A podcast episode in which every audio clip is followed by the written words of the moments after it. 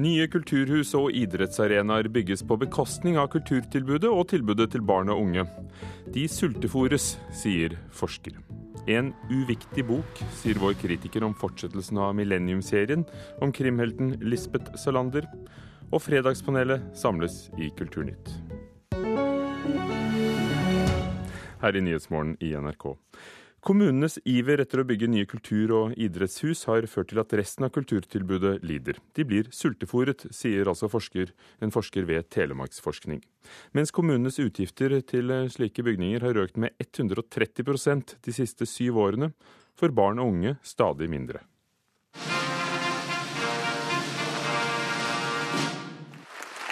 Slik hørtes det ut sist fredag da Norge fikk nok et nytt kulturhus, denne gangen i Stjørdal. Men nye flotte bygg til kultur og idrett tar stadig større jafs av kommunenes kulturkroner. Det viser en gjennomgang Telemarksforsking har gjort for NRK. Det er utvilsomt en tung prioritering. Det har blitt eh, prioritert bygg til eh, idrett og kultur.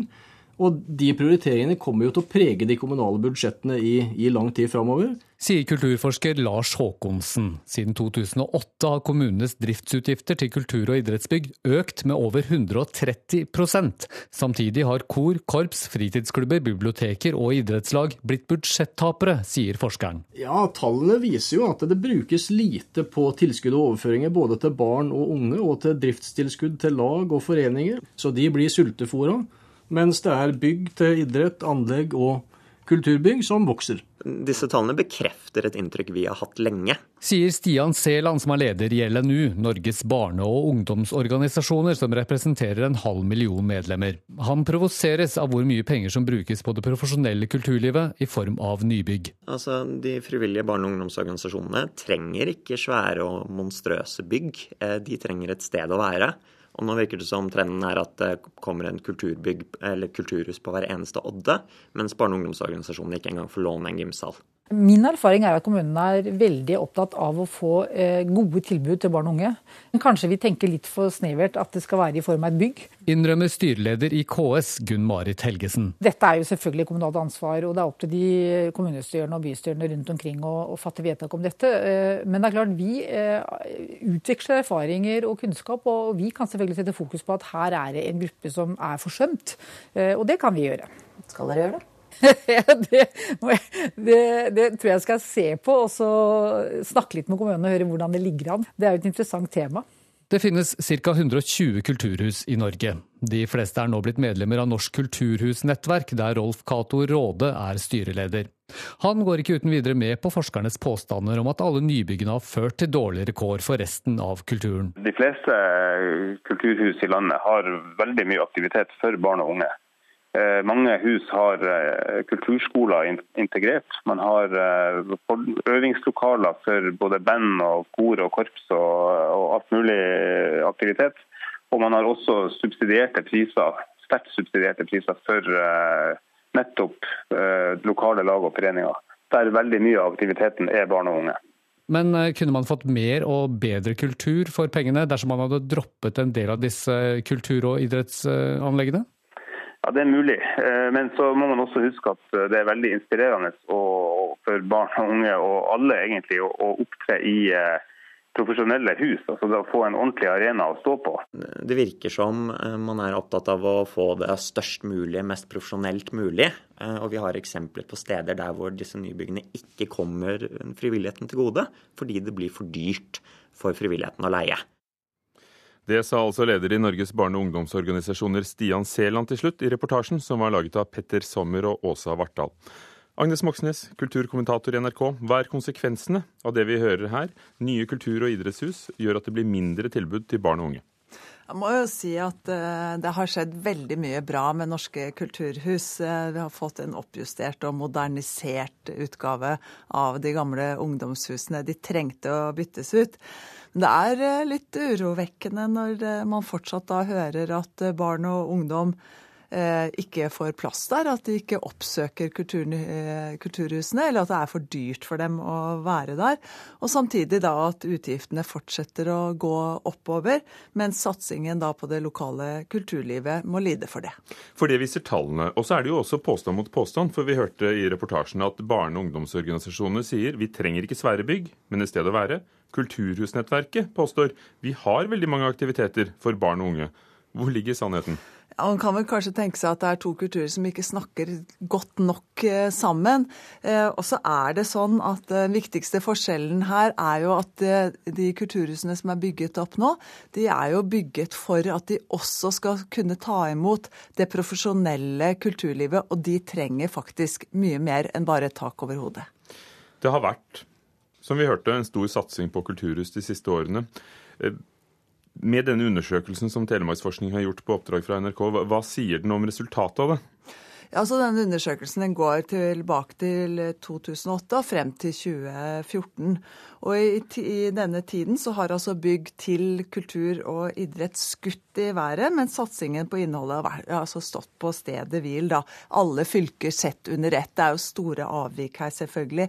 Men eh, det man ser, det er at eh, trenden som vi har sett over eh, flere år, at bygg går på bekostning mens byggene vokser og kulturlivet står på stedet hvil, slik den trenden fortsetter, altså. Men så hørte vi tidligere både nå i Dagsnytt klokken åtte og i Nyhetsmorgen at Kulturhusnettverket, som samler de fleste av kulturhusene, sier at det er ikke sånn lenger at det bygges store, store hus, vi tenker annerledes. Gjør de det? Tenker kommunene annerledes nå? Ja, men det har tatt tid å komme dit.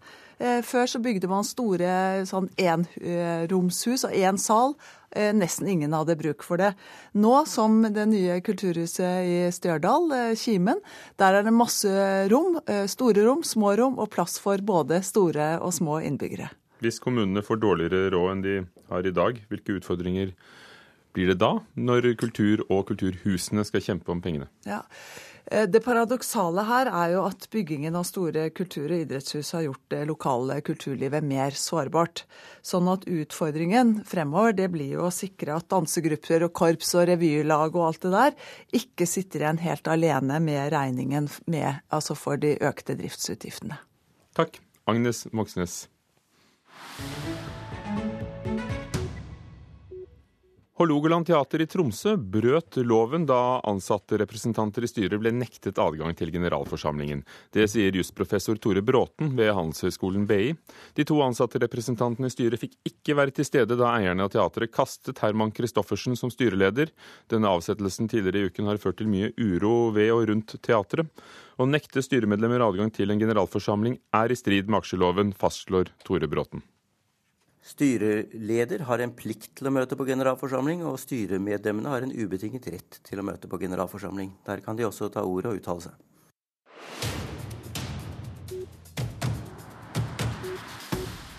Millennium-trilogien er blitt til en serie. Den svenske forfatteren Stig Larssons krimhelt Lisbeth Salander har fått nytt liv, og den nye forfatteren heter David Lagerkrantz. Larsson selv døde uh, før noen av de tre bøkene han selv hadde skrevet kom ut, og han døde i 2004. Og så har altså Lagerkrantz fått oppgaven med å videreføre historien, og det gjør han med boken 'Det som ikke dreper oss'. Leif Ekle, litteraturkritiker her i NRK, hvordan er resultatet blitt? Tja, uh, som thriller, spenningsroman betrakta, så er det vel greit nok. Uh, det er ganske spennende. Uh, men det er ikke så mye mer enn det heller, og jeg var egentlig ganske skuffa over hele prosjektet. Det er jo veldig mange som har snakket om denne serien, og den ble en enorm suksess. Som Stig Larsson var helt uviten om, fordi at han døde som kjent før de kom ut. Men påvirker det din og andres lesning når det har vært så mye krangel om hvorvidt eh, det går an å fortsette en sånn historie? Eh, jeg kan snakke for meg sjøl, da. Eh, og det påvirker meg, ikke meg. Men det som påvirker meg, det er jo alt dette styret, dette jippoet rundt. Men sånn altså, er jo med mange kjente bøker og forfattere. Jo, men eh, det er jo i ferd med å ta av helt og fullstendig. Det opplegget vi hadde på onsdag i Stockholm er jo, er jo vanvidd, altså. At uh, det reiser folk fra alle mulige verdens redaksjoner til Stockholm for å få bli fortalt at denne boka nå kommer. Det er, det er helt sprøtt, altså. Og forsøket på å styre journalister og, og, kritikere, det er jo helt, helt besynderlig. Og det viser i hvert fall hvilken kommersiell suksess bøkene om Lisbeth Solander er blitt. Ja. Hva handler denne om?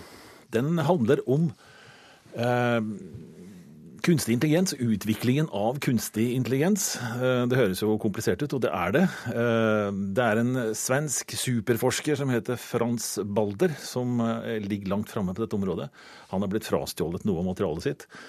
Det bringer oss inn i en verden av etterretning, kriminalitet, hacking, selvfølgelig, sånn at Lisbeth Salander kommer inn. Og teknisk sett så er det jo interessant og spennende i og for seg. Eh, veldig dramatisk blir det. Det er mye penger selvfølgelig involvert i et sånt prosjekt som å utvikle kunstig intelligens når det ser ut til å lykkes. David Lagerkrantz eh, er kjent bl.a. for å ha skrevet boken om fotballspilleren Zlatan. Men eh, hvordan gjør han det med Selander? Hva gjør han med Lisbeth Selander? Ja, det er det som er Altså, Jeg sa på forhånd at jeg kan godt tenke seg at denne boka er god, for, eh, for Lagerkrantz uh, kan jo skrive. Det så vi jo da han skrev uh, boka om Statan, blant annet. Og han skriver i og for seg godt her også, men han, han, har det litt travelt der det kunne ha vært ålreit, og der Stig Larsson kanskje var litt til ettertanke. Der han dvelte litt ved tingene. Ikke minst ved Lisbeth Salander, mens han går veldig inn i det, det tekniske. Det ble ja, det er veldig mye research i denne teksten, altså. Mens Lisbeth Salander blir flat og endimensjonal, særlig tidlig i boka. Hun er bare en hacker som er utrolig dyktig, men denne personligheten, som egentlig var det interessante med hele serien, eh, er blitt flat. Skriver han godt? Ja, altså han skriver eh, teknisk sett, ja.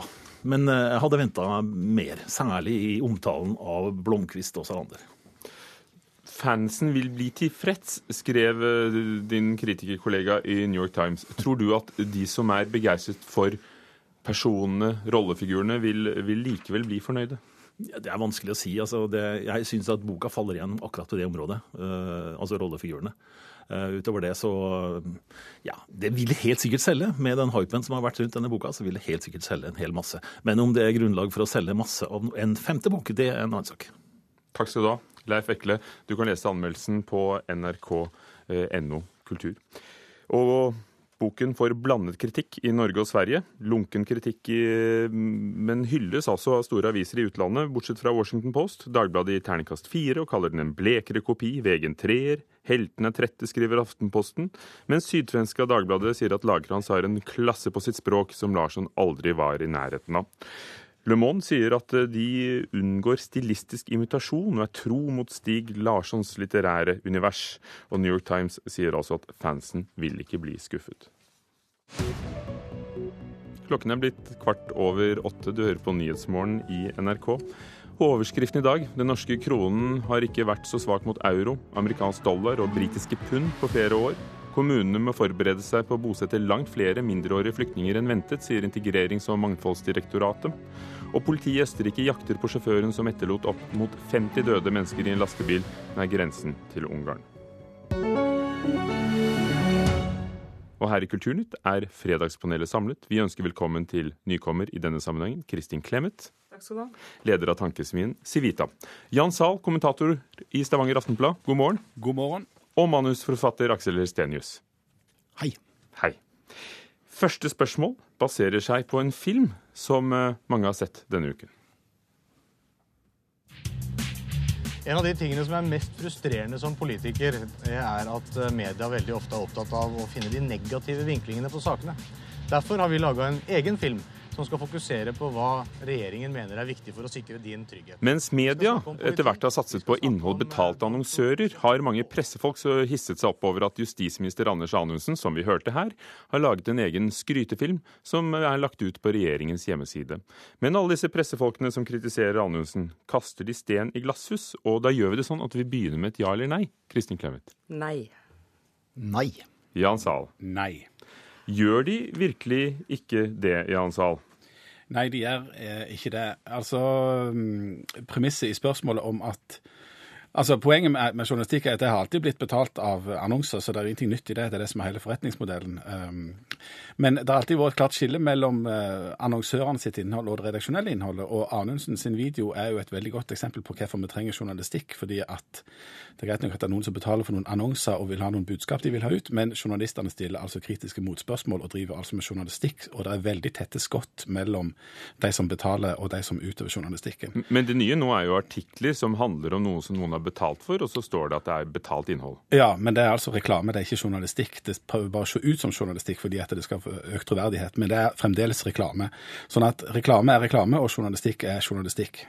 Selv når, når reklame prøver å se ut som journalistikk. Også du sa nei, Kristin Clemet. Ja, nei, Jeg er enig i det som sies nå, men det som er poenget her er at det er jo ikke kritikkverdig at han forteller om hva han har gjort, eller skryter litt av det. Heller ikke at han gjør det på film istedenfor på papir. Men det som er problemet her, er jo at uh, man visker ut skillet mellom statsråden eller politikerne og embetsverket. Eh, og at de opptrer i si samme film, og som, som da karakterer å være en liten sånn skrytefilm. For det er jo sånn i Norge at vi er veldig avhengig av vårt demokrati, av å skille mellom forvaltning og regjering. Forvaltningen har eh, lojalitetsplikt overfor statsråden, og han har instruksjonsrett. Men dette gjelder jo alle regjeringer. og Derfor er det veldig viktig at embetsverket forholder seg politisk nøytralt og er faglig uavhengig. Og hvis de opptrer i denne filmen, som har en sånn karakter av å være en sånn skrytefilm, så visker man ut skillet mellom politikk og fag. Og mm, det er ikke ulovlig, men det er uskjønnsomt og det er uklokt, fordi det eh, vitner om en litt svak rolleforståelse. Jeg syns dere er for svake. Jeg mener at dette her er ren propaganda. Altså hvis du går og ser på, Dette er propaganda, og det som vi kan være veldig glad for, er at Anundsen er en veldig dårlig. Han er mye dårligere enn Leni Riefenstahl. og andre tyskere som vi ikke skal nevne med navn. Det er rett og slett en ubehjelpelig dårlig film.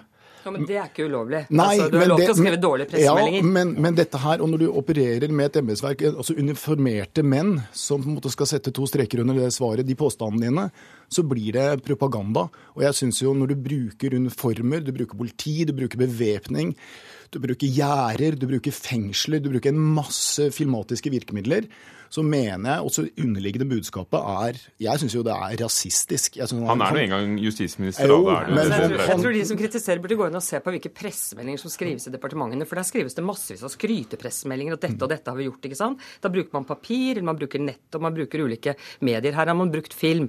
Det i seg selv er ikke kritikkverdig. Det er ikke kritikkverdig at han forteller hva han har gjort, men det er det at å trekke inn embets- og tjenestemenn og la de figurere som en slags kulisser for dette som har karakter av en skrytefilm, film, og som attpåtil lanseres i valgkampen, det er uskjønnsomt. Men i forhold til det du spurte om mediene Jeg syns det er noe dobbeltmoralsk her, hvis vi har tid til å snakke Kom om det. Igjen. Og det er at eh, det å være opptatt av rolleforståelse, det syns jeg er veldig viktig. Så denne kritikken av rolleforståelsen, den syns jeg har vært veldig viktig og riktig. Men mediene de er ikke så opptatt av rolleforståelse hvis det er en sak de liker, eller mennesker de liker, for å si det sånn. Altså For å ta et eksempel. Da Siv Jensen åpnet FrPs valgkamp med å anbefale FrPs lokale representanter å si nei til å ta imot flere flyktninger i kommunene, så sa alle dette er svak rolleforståelse. Som statsråd kan hun ikke si det når hun samtidig skal gjennomføre vedtaket som er truffet i Stortinget. Men da partiene på Stortinget fattet dette vedtaket, så var det også ekstremt lav rolleforståelse. For verken regjeringen eller Stortinget var inne. Det var bare partiene som satt på gangen og avtalte dette og fattet et slags vedtak utenfor salen uten at man hadde utredet konsekvensene. Og dette er altså konsekvenser til mange titalls milliarder kroner. Men da er mediene ikke opptatt av rolleforståelsen. Så jeg tror at det er litt sånn at når man liker saken, er enig i saken, har sympati for de som har svak rolleforståelse, så er man ikke så opptatt av det. Men hvis man ikke har så stor sympati for de som har svak rolleforståelse, så kommer kritikken. Jan Sahl, du sitter jo i Stavanger Aftenblad. Er det sånn at dere i media eh, er farget?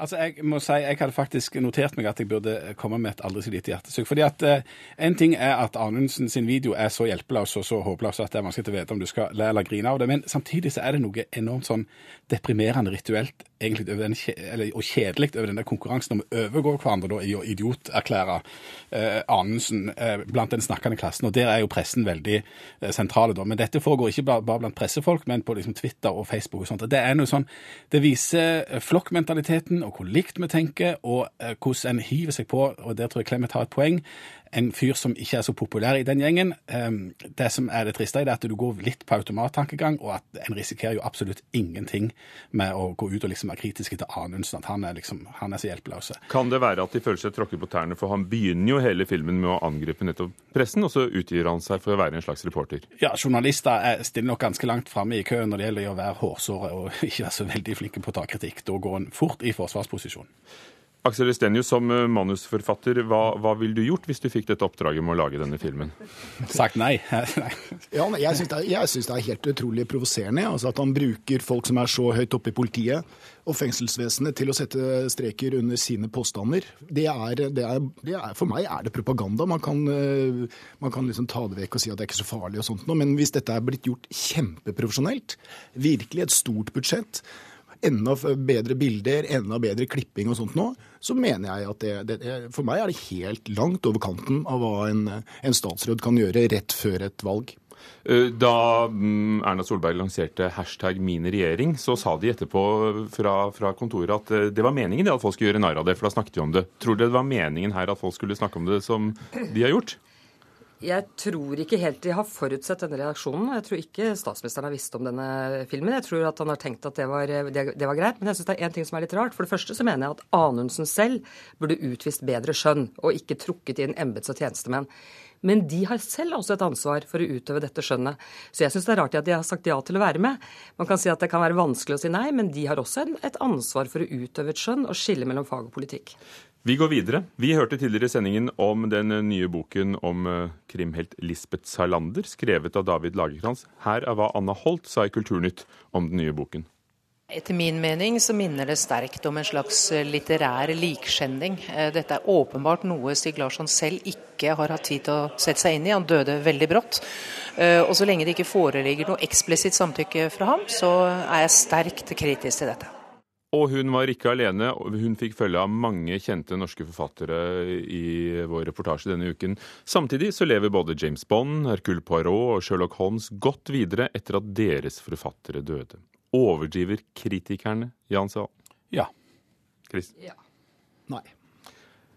Men, men, men, hva med disse andre, da? Sherlock, Hercule, James? Ja, altså For meg så er det jo dette, her, dette er jo et eksempel på grådighet. At det står folk bak som ikke er opphavsmenn. Og jeg, han eh, som lager hans, han tjener sikkert til en forskjell 2 på denne boken her. Men de som virkelig håver inn penger, er jo far og bror. Som jo, som vi vet, dette har vi lest mye, ikke sto Larsson særlig nær. Men er det et moralsk spørsmål når det gjelder opphavsrettene, eller er det et litterært spørsmål? Nei, altså dette er jo igjen altså forlagsbransjen som jo sliter, kommer til å komme en krise. De er jo mer og mer opptatt av eh, at bøker skal selge masse. Store sånne bokstabelveltere og sånt. Så at man satser på dette her. Men eh, jeg mener jo dette går jo Dette er et tydelig tegn på at det går liksom feil vei igjen. da. Altså At det er de folkene bak som ikke er opphavsmenn, som skal tjene enda flere hundre millioner kroner. Overskuddet av boken gir de også til bladet Expo, som Larsson var engasjert i. Eh, I hvert fall for noen noe av salget. Kristin Kleven? Altså, jeg er i grunnen enig med Anne Holt, men jeg syns du spurte overdriver det litt. Og det er det jeg mener, at jeg syns det overdrives litt. Jeg syns uttrykket likskjending, litterær likskjending, er et veldig sterkt uttrykk.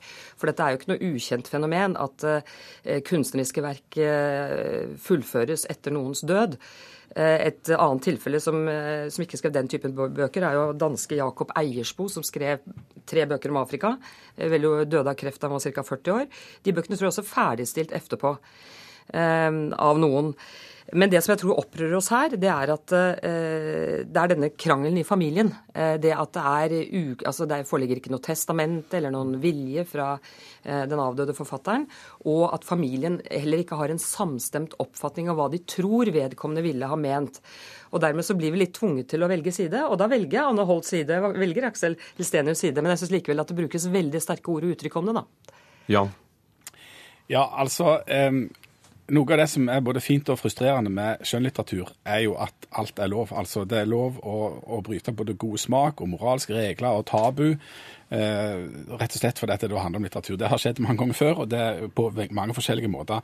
Og Det som jo er spesielt i dette tilfellet, er jo at det egentlig da ikke handler om litteraturen, men denne her feiden eh, mellom, mellom, familie og samboer. Men, men, det er på en måte, det ligger en litt annen plass enn i, i selve litteraturen. altså. Det er det er noe som hører hjemme omtrent i rettssalene eller en, en, annen plass. Men altså at litteratur bryter alle slag, eller en del sin smak, det er ikke nytt. og Det kommer til å skje igjen, og det kommer til å fortsette. Anne Holt, som er selv er jurist, har jo sagt at dette ikke er juss. Hun er sikker på at jussen er i orden, men hun sier det er moral, og det er jeg også enig med henne i. Og i dette tilfellet, så, eh, i og med at de er så uenige i familien, da, så er, har vi jo ikke noe klart bilde av hva som ville vært hans vilje. Og det er det åpenbart noen som mener at dette er, er galt å gjøre i hans ånd, og det, det syns jeg man skulle ha tatt hensyn til. Og Spiller det da noen rolle om boken er god eller dårlig? Aksel? Nei, jeg er enig. Det er et moralspørsmål. Fra litteratur til språk. En liten apostrof skal vi unne oss om eh, rettskrivning. Skolepolitikk er valgkamptema overalt. I Oslo reklamerer byrådslederkandidat Raymond Johansen for en ny og bedre skolepolitikk med store plakater over hele trikken. Plakater med en iøynefallende skrivefeil, genitiv med apostrof, Oslo, apostrof S, Oslos. Mister han troverdighet i skolepolitikken av den grunn? Kristin Cleven? Nei. Ja, men ikke pga. en uh, apostrof. Jan Sahl? Ja. Uh, er det apostrofen, eller er det noe annet? Ja, altså Taleren mister troverdighet når, når, han snakker feil og når han bruker språket feil. Språket er viktig, eh, og du ser på hva folk gjør istedenfor hva de sier. Så selv om alle ikke går rundt og er kanonflinke i alle skrivereglene, så, så funker det eh, ikke spesielt bra, verken for de som forstår seg på det, eller for de som står og klør seg i hodet og lurer på hm, er det ikke en eller annen feil der. Dette er jo ditt altså, felt. Ja, ja. Altså I Oslo så er det jo ikke Arbeiderpartiet som eier, som man sier i politikken, skolepolitikken. Det er jo høyresiden, og det er partiet Høyre. Eh, så de er liksom på etterskudd der, og har da lavere troverdighet enn andre partier. Jeg tror ikke dette gjør så mye med troverdigheten fra eller til, og grunnen til det er at OK, de har begått en feil.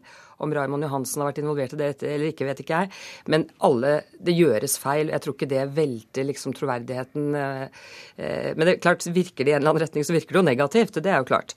Men, eh, men jeg tror alle partier har opplevd lignende. Jeg har også sittet på Høyres landsmøte og vært så uheldig at jeg sittet og, og, og, mens jeg kjedet meg, rettet på en resolusjon, et resolusjonsutkast om skole, og fant ganske mange feil. Og det tror jeg noen pressefolk fant etterpå og gjorde, drev gjøn med da. Altså, ja, jeg syns jo den apostrofen er, jo, altså, den er så liten at den skal nesten ikke nevnes. For det er hovedproblemet, og det er morsomt at Kristin Clemet er her, det er jo hovedproblemet er jo at politikerne må jo mene noe om skolepolitikk. Alle partier må jo mene noe om skolepolitikk. Og det partiet mener, det er jo på en måte den riktige skolepolitikken. Og jeg syns jo at det er det må de jo slutte med. Altså Nå må jo politikerne, skolepolitikerne overlate dette til de som faktisk driver skole, som er lærere, og de som driver skolen, og gi de tillit. Gi kanskje forskerne litt tillit også. Og da var da vi over fra rettskriving til politikken. Takk til Fredagspanelet Aksel Restenius, Kristin Clemet og Jan Zahl. Kulturnytt var vi Hilde Tosterud, Gjermund Jappé og Ugo Fermariello her i studio. Klokken er straks halv ni. Du hører på Nyhetsmorgen i NRK.